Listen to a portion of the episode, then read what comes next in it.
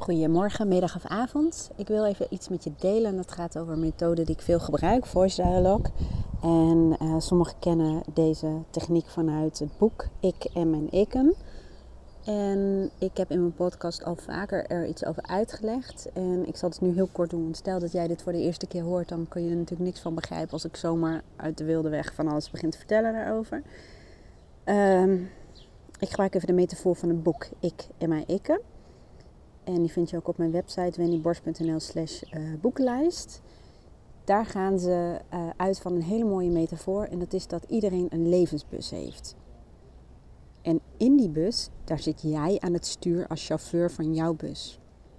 Tenminste, als het goed is. In de praktijk is het heel vaak zo dat een van jouw persoonlijkheidskanten, in het boek Ikken genoemd, die nemen wel eens heet stuur over. En op dat moment heb je eigenlijk ook niet heel veel regie over je leven en kun je ook vastzitten in een bepaalde kant. En ik zal je even vertellen wat ik daarmee bedoel. Um, ik probeer het namelijk zo kort mogelijk te houden, anders gaat de hele podcast over de uitleg van deze techniek. Maar um, zie het maar voor je dat jij in je levensbus zit, jij zit aan het stuur. En naast jou zit een kant van jou die je heel goed kent. In mijn geval is dat een kant die altijd maar nuttig wil zijn. Mijn streber, mijn pusher, mijn doener. En um, ik heb nog wel wat kanten bij mij voor in de bus zitten. En met voor in de bus bedoel ik mee dat ze uh, ja, sterke kanten van jou zijn. En bedoel ik niet sterk in de vorm van goed, al is dat heel vaak wel zo. Dat de kanten die, um, die je vaak inzet, het zijn ook vaak de kanten waar, uh, waar mensen waardering over uitspreken. En soms helemaal niet. Soms zien ze het als vanzelfsprekend. Maar bijvoorbeeld, um, die zit niet meer in mijn bus. Ja, die, zit nog wel in mijn bus, maar die heeft een gedaantewisseling ondergaan. Godzijdank. En dat is bijvoorbeeld mijn pleaser. Die had ik heel erg. En dat is nu een uh, kant geworden die gewoon getransformeerd is in wat hij in essentie doet. En dat is uh, nou ja, ook goed voor anderen zorgen. En doordat ik mijn gezonde egoïst meer heb toegelaten, die zat eerder achter in de bus. Dus eerst kwamen anderen, dan kwam ik um, is die please minder hard gaan werken. Waardoor het gewoon een kant wordt die ook heel erg bezig is met de behoeften en belangen van een ander. Maar wel vanuit het uitgangspunt dat ik primair, dus eerst goed voor mezelf zorg. Um, wat vroeger ook bij mij in de bus zat, als een van mijn uh, sterke kanten of primaire kanten, zal ik zeggen, is de perfectionist. Totdat ik een gedicht las dat perfectie stagnatie is en dat perfectie helemaal niet bestaat. En dat perfectie zorgt dat je niet aan dingen begint of dingen niet afmaakt. En nu is die kant eigenlijk ook getransformeerd. Die heb ik wat nou ja, verder weg in de bus gezet. En dat is gewoon een kant die um, ja, eh, de dingen zorgvuldig wil doen, maar wel de dingen die ertoe doen. Dus ik ben ook oké met een zesje voor de dingen die niet zoveel impact maken of niet zo belangrijk zijn uh, voor mij of mijn uh, dierbaren. Maar als het wel belangrijk is, dan nou ja, zorg ik gewoon dat het in mijn ogen goed gebeurt. Maar een 10, nou, dat hoeft niet meer per se. Want het verschil tussen een 8 en een 10 is vaak helemaal niet waarneembaar. Um, even denken. Ik moet ook in één keer denken aan mijn opleiding. Ik wilde per se daar een 9 voor halen. Dat is ook gelukt. Maar dat is ook zo'n kant van mij. Die, de streber. Die, de streber heb ik nog wel trouwens. Die, is, uh, nou, die zit nog wel ergens bij mij voor in de bus. Nou, wat ook uh, gebeurt. Als jij primaire kanten hebt. Dan, en die zet je veel in. Dan verstoot je eigenlijk ook delen van jezelf. Die zet je als het ware verder achter in de bus. Ofwel helemaal achterin, gordels om, duct tape op, uh, op hun mond, zullen we maar zeggen. Zie het maar voor je als, um, nou ja, als subpersoonlijkheden. Die term wordt ook vaak gebruikt. En um, zo kon ik mijn gezonde egoïst bijvoorbeeld, uh, ja, daar kon ik moeilijk contact mee maken vroeger. Dus die zat ergens achter in de bus. Uh, mijn onbezorgde kant, die zit ook wel redelijk ver weg, maar die komt steeds vaker naar voren. En uh, ik ben een van mijn sterke kanten is dat ik heel beheerst ben en kan zijn. Ik zeg al ben. Ben betekent al dat het een kant is waar je je mee geïdentificeerd hebt. Dus dat is eigenlijk al wel een mooie waarneming. Um, dus ik heb een kant van mij die uh, heel beheerst kan zijn. En die zie je ook op feestjes. Als mensen dronken raken, dan word ik beheerste, beheerste, beheerste. Ofwel uh, een muurbloempje, zou je bij wijze van spreken kunnen zeggen. Ik ben nog wel met iedereen in contact. Maar uh, dan op dat moment dan longt de dansvloer niet. Omdat er iets in mij gebeurt als mensen dronken zijn. En dan word ik dus beheerster. En ik kan in heel veel situaties gewoon heel beheerst zijn. Maar te strak. Dus dat is iets wat bij mij in ontwikkeling is. Want als je dan kijkt naar het tegenovergestelde van een beheerste kant, is dat bijvoorbeeld een hele losse kant. En die hele losse kant, die zit ergens bij mij achter in de bus. En die, als ik dat zo voor me zie, ik heb hoop fantasie. Ik heb bijvoorbeeld ook een dromer en een fantasierijke en creatieve kant bij mij. Die zit echt heel erg voor in de bus. En ik zie dan voor mij hoe mijn losse kant echt een beetje... Ja, die zit achter in de bus en die kijkt een beetje oh, ja, verwaarloosd, verveeld. een beetje zo sippig. Want ja, die mag, eh, die mag niet zoveel van mij. Die mag wel wat, maar die mag vooral tevoorschijn komen als ik bijvoorbeeld met mijn neefje en nichtje ben. En um, we zijn aan het spelen of we zijn lekker op pad, dan kan ik echt helemaal uit mijn dak gaan. Dan ben ik gewoon los en dan doe ik met hun mee. En dan activeer ik eigenlijk ook mijn speelse kind, zoals dat heet. Maar dan mag mijn losse kant gewoon komen. En dan trek ik gekke bekken en dan zing ik. Terwijl ik echt uh, nou, niet bijzonder goed zing. Zou je zelfs vals kunnen noemen. Maar die losse kant, uh, die mag er dan zijn. En um, die mag er ook zijn omdat dat, ja met kindjes gewoon goed gaat. En dat komt ook omdat kinderen over het algemeen nog geen oordeel hebben. Die vinden dat allemaal gewoon leuk en die letten niet zo op hoe jij eruit ziet. als je gekke bek trekt, dan denken ze niet, oeh, wat is die lelijk of zo, weet je wel. Um, en hoe, hoe, meer je met volwassenen bent, hoe meer je waarschijnlijk het gevoel hebt dat mensen op je letten en er iets van vinden. Of, nou ja, dus zo werkt dat een beetje ook wel heel kort door de bocht even uitgelegd. Want ik kan er nog echt nog veel meer over vertellen. Maar de aanleiding van mijn podcast is het volgende. Zoals je hoort zit ik buiten. Je hoort uh, van allerlei uh, achtergrondgeluiden. En de afgelopen periode uh, ben ik uh, voor mijn doen iets te druk geweest. En voor mijn doen, dat klinkt een beetje gek, maar laat ik het zo zeggen. De beste balans in mijn leven is een balans tussen ehm, veel doen, veel creëren, um, veel resultaten. Maar met voldoende momenten om even alleen te zijn, terug te trekken, te kunnen reflecteren, contact te maken met de natuur, buiten te zitten, uh, te genieten. Ik hou bijvoorbeeld echt van om één keer in de zoveel tijd de muur te schilderen. Ja, maar ja, weet je, daar kan ik echt uh, heel blij van worden. Dat soort dingen. Of in de tuin werken vind ik gewoon heel erg fijn en leuk. En ik heerlijk van genieten. En dan zit ik ook echt helemaal onder de smurrie. Echt, het komt echt uit mijn neus gaat, uit mijn oren komt dan s'avonds nog uh, zand zetten. Dus um, als die balans goed is, dan voel ik mij ook gewoon goed. En um, de afgelopen tijd zat mijn agenda gewoon te vol. Ik heb even, um, nou ja, ik het zeggen, uh, te weinig blokken in mijn agenda gezet. En waardoor, ja, waardoor die helemaal vol liep. En daardoor wordt een kant van mij geactiveerd. Een kant van mij die wil, ja, die, die, die, die wil nuttig zijn. En die wil doen, mijn doener. En die heeft op een gegeven moment eigenlijk mijn stuur overgenomen, realiseer ik me nu. En daardoor kon ik bijvoorbeeld ook niet meer in de tuin zitten. Ja, dat komt wel, maar met een gigantische onrust. Alsof ik nog in de overdrive stond of in de vijfde versnelling. En wat er dan gebeurde is uh, dat ik wel dacht, ja, het is goed om even te zitten. Maar dan voelde ik onrust. En dat is dus ook een combi van mijn doener en mijn nuttige kant. En met als gevolg dat ik continu met een studieboek buiten zat. Dus uh, ik lees ook heel graag, dus ook wel ontspannende uh, boeken. Alleen dat lukte me niet meer.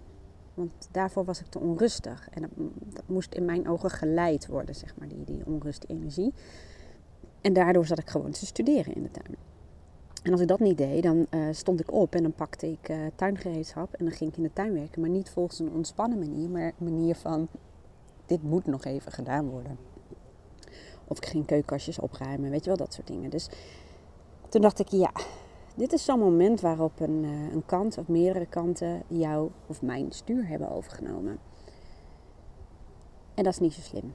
Want als ik dat toe zou laten en ik zou dat een halfjaartje doen, ja, dan kun je gewoon echt overmoeid raken. Ik merkte het zelfs dat ik op een gegeven moment mezelf uh, vrij had gegeven, een paar uur. En toen dacht ik, ik ga gewoon eens overdag Netflixen. En toen gebeurde er sowieso van alles. Dat ik dacht, ik ga toch niet overdag televisie gaan kijken. Wat zullen de mensen wel niet denken? Dit is een onbewust proces, maar dat gebeurde. En um, uiteindelijk heb ik een soort compromis uh, gemaakt eigenlijk door mijn nuttige kant ook de ruimte te geven. Maar de kant van mij die wilde ontspannen, ontspannen kant, levensgenieten, hoe je het ook wil noemen. Ook door Netflix aan te zetten. Alleen het werd weer een documentaire van Brené Brown. En uh, over kwetsbaarheid. En dat ligt natuurlijk in het verlengde van mijn vakgebied. Dus ja, alleen uh, toen lukte het mij al om een goede stap te zetten richting meer ontspanning door um, ja, die twee met elkaar te combineren. En uh, nu zit ik in de tuin en ik heb uh, deze dag maar twee afspraken. Eentje heb ik al gehad en ik heb vanmiddag om kwart over vier of kwart voor vier, nee kwart over vier, een volgende afspraak. En in één keer voel ik het verlangen van mijn levensgenieter ontstaan. Want ik zou naar boven kunnen gaan om marketing te doen. Om bezig te gaan met mijn uh, jaarprogramma die ik nou ja, eind dit jaar, zeg september, oktober ga lanceren. Ik zou bezig kunnen zijn met de studie, maar ik voelde mijn levensgenieter die ik al meer toeliet door die tussenstap. En die zegt, en dat klinkt heel bizar wat ik nu zeg, maar uh, die zou zeggen, als ik daarnaar zou luisteren, zou die zeggen: ga gewoon de tuin in. Pak even een lekkere uh, cappuccino. Heb ik ook gedaan trouwens. Die staat overigens nu uh, koud te worden. Nou ja, op zich in de zon zal het wel meevallen. En ga even lekker zitten op dat plekje in de tuin en ga gewoon even lekker zitten. En ik wilde ook uh, in deze podcast een kant introduceren die voor heel veel mensen helpt, maar waar we in de westerse wereld maar moeilijk contact mee kunnen maken. En dat is onze zijnsenergie. Onze kant die eigenlijk het tegenovergestelde is van mijn doener. Want altijd maar doen en presteren hangt ook vaak nauw samen met het ja, gevoel van bestaansrecht hebben. Goed, daar ga ik nu even verder niet op in. Maar de, de tegenovergestelde van de doener is de, ja, de zijnsenergie. En ik merkte net dat ik daar uh, contact mee maakte. En dat is echt een soort van helend. Het is ook wat in mindfulness wordt geleerd. Alhoewel mindfulness is, is eigenlijk niet zo'n goede term. Want je zegt eigenlijk hoofdvolheid. Terwijl de bedoeling is eigenlijk hoofdleegheid. Dus wat is het dan? Mind emptiness of zoiets. En dit heb ik niet zelf bedacht, want ik werd getriggerd door iemand die dat zei van de term is eigenlijk gewoon verkeerd.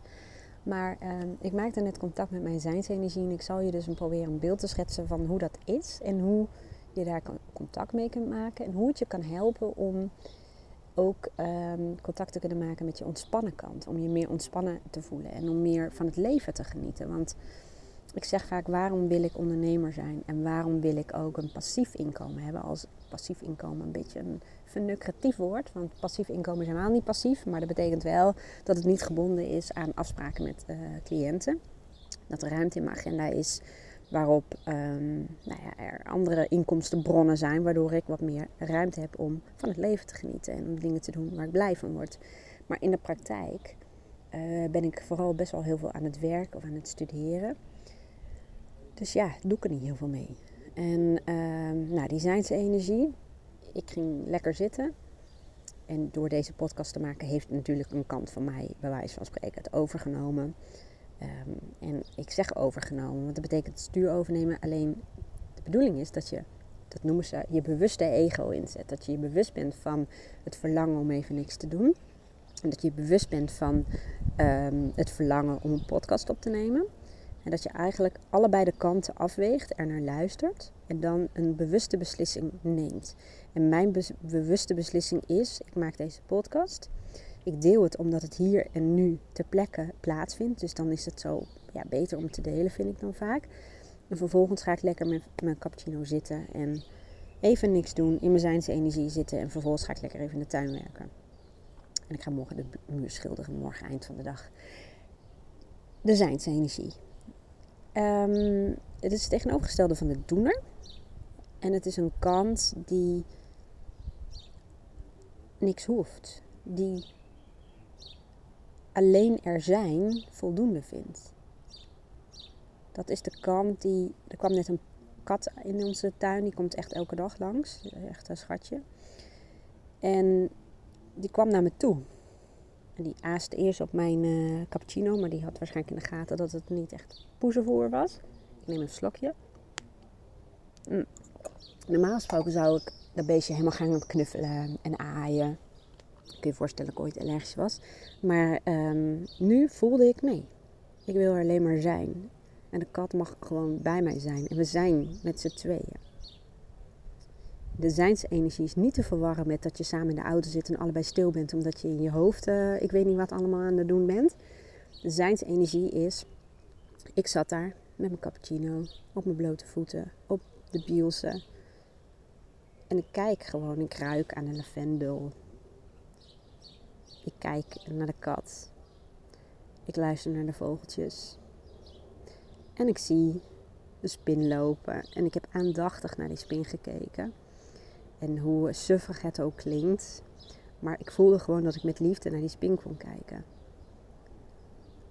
En ja, ik weet dat dat best wel misschien wel suf zou klinken, maar ik voelde dat gewoon. Hoe gek het ook klinkt, ik voelde bij wijze van spreken liefde voor die spin. Dat was denk ik ook de reden waarom van de week viel er een hele grote spin op mij, op mijn arm. En ik ben niet bang voor spinnen, maar ik zou normaal gesproken wel in een uh, impulsbeweging die spin aan de kant doen. Maar ik bleef er gewoon naar kijken totdat die van mijn arm afliep op mijn e-reader op de tafel. En achteraf dacht ik, hm, apart. Maar goed, dat is dus ook even zijns energie. En ik maakte daar op dat moment contact mee omdat ik ook moe was. En als je moe bent, dan zie je dat je beschermingsmechanismen of je kanten, ja, die uh, verliezen soms hun kracht. Net als als mensen gedronken hebben en dan komen er in één keer andere kanten uitzetten. Anyway, even terug naar de zijnsenergie. Dat is mijn geordende kant. Die probeert altijd een rode draad uh, van de podcast te maken. Maar zijn is die kat niet aaien en hem gewoon laten liggen waar hij ligt. En ik zit waar ik zit. En we doen niks. En een dier, een kat, een hond is eigenlijk het ultieme voorbeeld van zijnsenergie. Die kat, die is niet van ons, maar die komt gewoon graag bij ons en bij heel veel andere buren.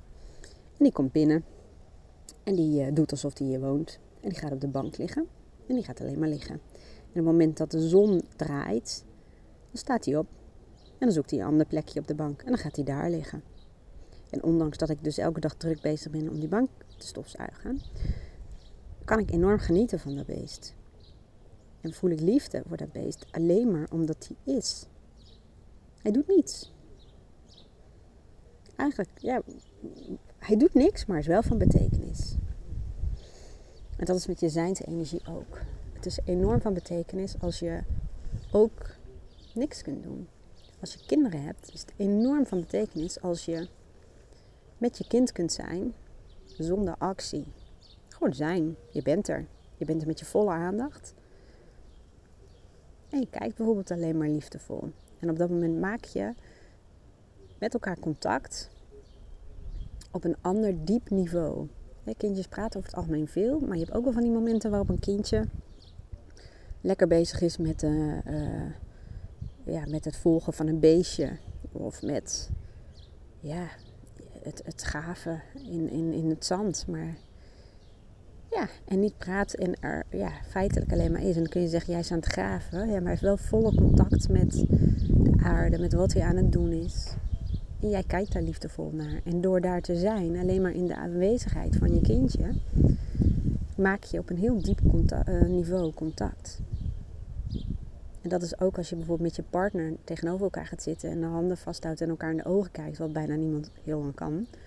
Maar gewoon echt gaat kijken en niks zegt. Dat is ook zijnsenergie. En dat vinden we vaak heel moeilijk. En dan voelen we ons al gemakkelijk bij. En dan gebeurt er van alles en emoties.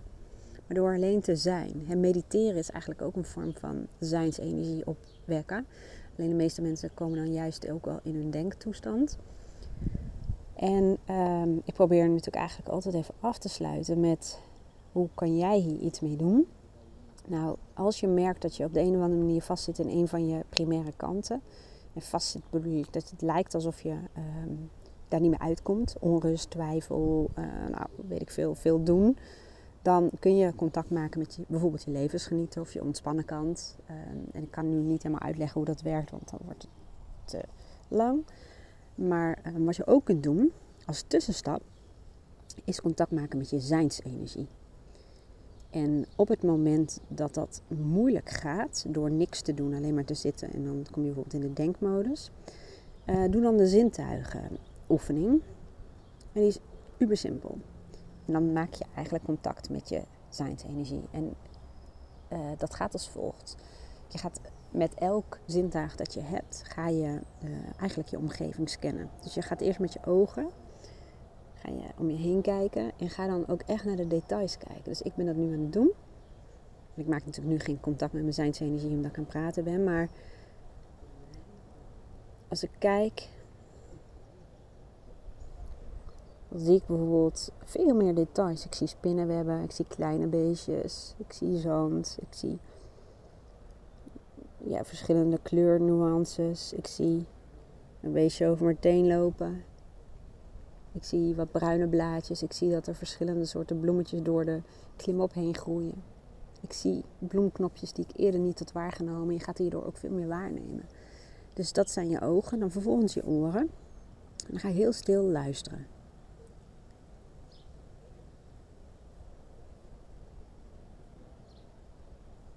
Ben nog. Je hoort dan, ik hoor vogeltjes, maar ik hoor meerdere lagen van geluid. Ik hoor bijvoorbeeld de, de, de snelweg in de verte. Ik hoor mensen ergens praten. Mannenstemmen, lage stemmen.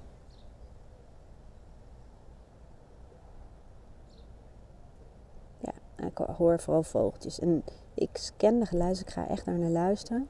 En soms zoek ik geluid, een vlieg hoor je die? Of een bij. En soms kies ik een geluid dat me aanstaat en dan concentreer ik me daar meer op. Er zit nu een bij bij mij. Ik vind het leuk hier. Oké, dus nou dat. En dan merk je als je je stresslevels zou meten, dus de stresshormonen in je bloed om het zo te zeggen, dan zou je al zien of dat er minder afgifte is van stresshormonen, zoals adrenaline, cortisol, nou ja, dat soort hormonen. Dus um, vaak zie je ook dat de ademhaling ook daalt. En je kunt niet tegelijkertijd in het nu zijn en tegelijkertijd bezig zijn met allerlei dingen uit het verleden of de toekomst. Dus concentreer je dus op wat je hoort. Um, vervolgens uh, gebruik je je huid. En dat is misschien wat lastiger, maar met je huid voel je bijvoorbeeld de lavendelblaadjes. Voel ook aan je huid. Probeer met je huid waar te nemen: is de lucht vochtig, klam, droog? Is het warm? Is het koud? Voel de zon op je huid branden. Probeer echt met je huid waar te nemen, want dat is ook ons allergrootste zintuig. Bijvoorbeeld ga je ruiken. Die is soms nog wel lastig, omdat we dat ook vaak heel onbewust doen. Maar ga maar gewoon ruiken en ruiken of je, je goed je best doet, verschillende soorten ehm, kunt onderscheiden. Je hoeft het niet een naam te geven, maar alleen maar waar te nemen. En tot slot ga ik zo meteen naar de podcast doen. Dat is je mond. Dus proeven. Je hebt bijvoorbeeld ook de rozijntaakoefening. Dat je een rozijn helemaal moet bekijken alsof je hem voor de eerste keer ziet. Dat je hem een tijdje in je mond moet houden door mag bijten en mag volgen tot zolang je hem kunt volgen. Nou, je kunt het ook doen met je slokje drinken. Uh, ja, pak even wat drinken en concentreer je op de smaak. Textuur, is het een sapje, zitten er vezels in en tot hoever kun je je slok eigenlijk volgen in je lichaam. Je kunt ook iets pakken om te proeven. En dan ga je met alle aandacht naar hetgeen toe wat je aan het eten bent. En laat het ook even in je mond. probeer ook uh, de details ervan te onderscheiden. Nou, dit is eigenlijk een oefening om meer contact te maken met je zijnsenergie. Hoe meer je dit doet, hoe meer je oefent, hoe meer je zult zien dat bij ehm, de intentie alleen om het te gaan doen of bij uh, je eerste zintuig, dan onmiddellijk komt je lichaam al in een, um, ja, moet ik het zeggen, in een meer ontspannen toestand. Omdat ons brein dit opslaat als rustig, ontspannend, uh, genieten, stilte opladen. En uh, dus hij ziet zeg maar de benefits ervan. Dus even neuroassociaties noemen ze dat. Dus doordat je dit vaker doet, dan zal het gewoon meer effect hebben. En vanuit die toestand waarin je dit even hebt gedaan, kun je ook soms weer anders kijken en anders handelen dan daarvoor. Je hebt eigenlijk even het patroon doorbroken van het doen en je, ja, je streberkant of je doenkant of je pusherkant of wat het dan op dat moment ook is wat actief is in jou. Nou, mij helpt het in elk geval. Um, mij helpt het vooral omdat ik heel bewust mee bezig ben. Ja, doe je het niet, dan werkt het gewoon uh, niet zo goed, zullen we maar zeggen. Dus ik hoop dat je hier iets aan hebt. Ik ga nu gewoon lekker uh, genieten van mijn cappuccino. En ik ga de zintuigenoefening zelf nog even doen.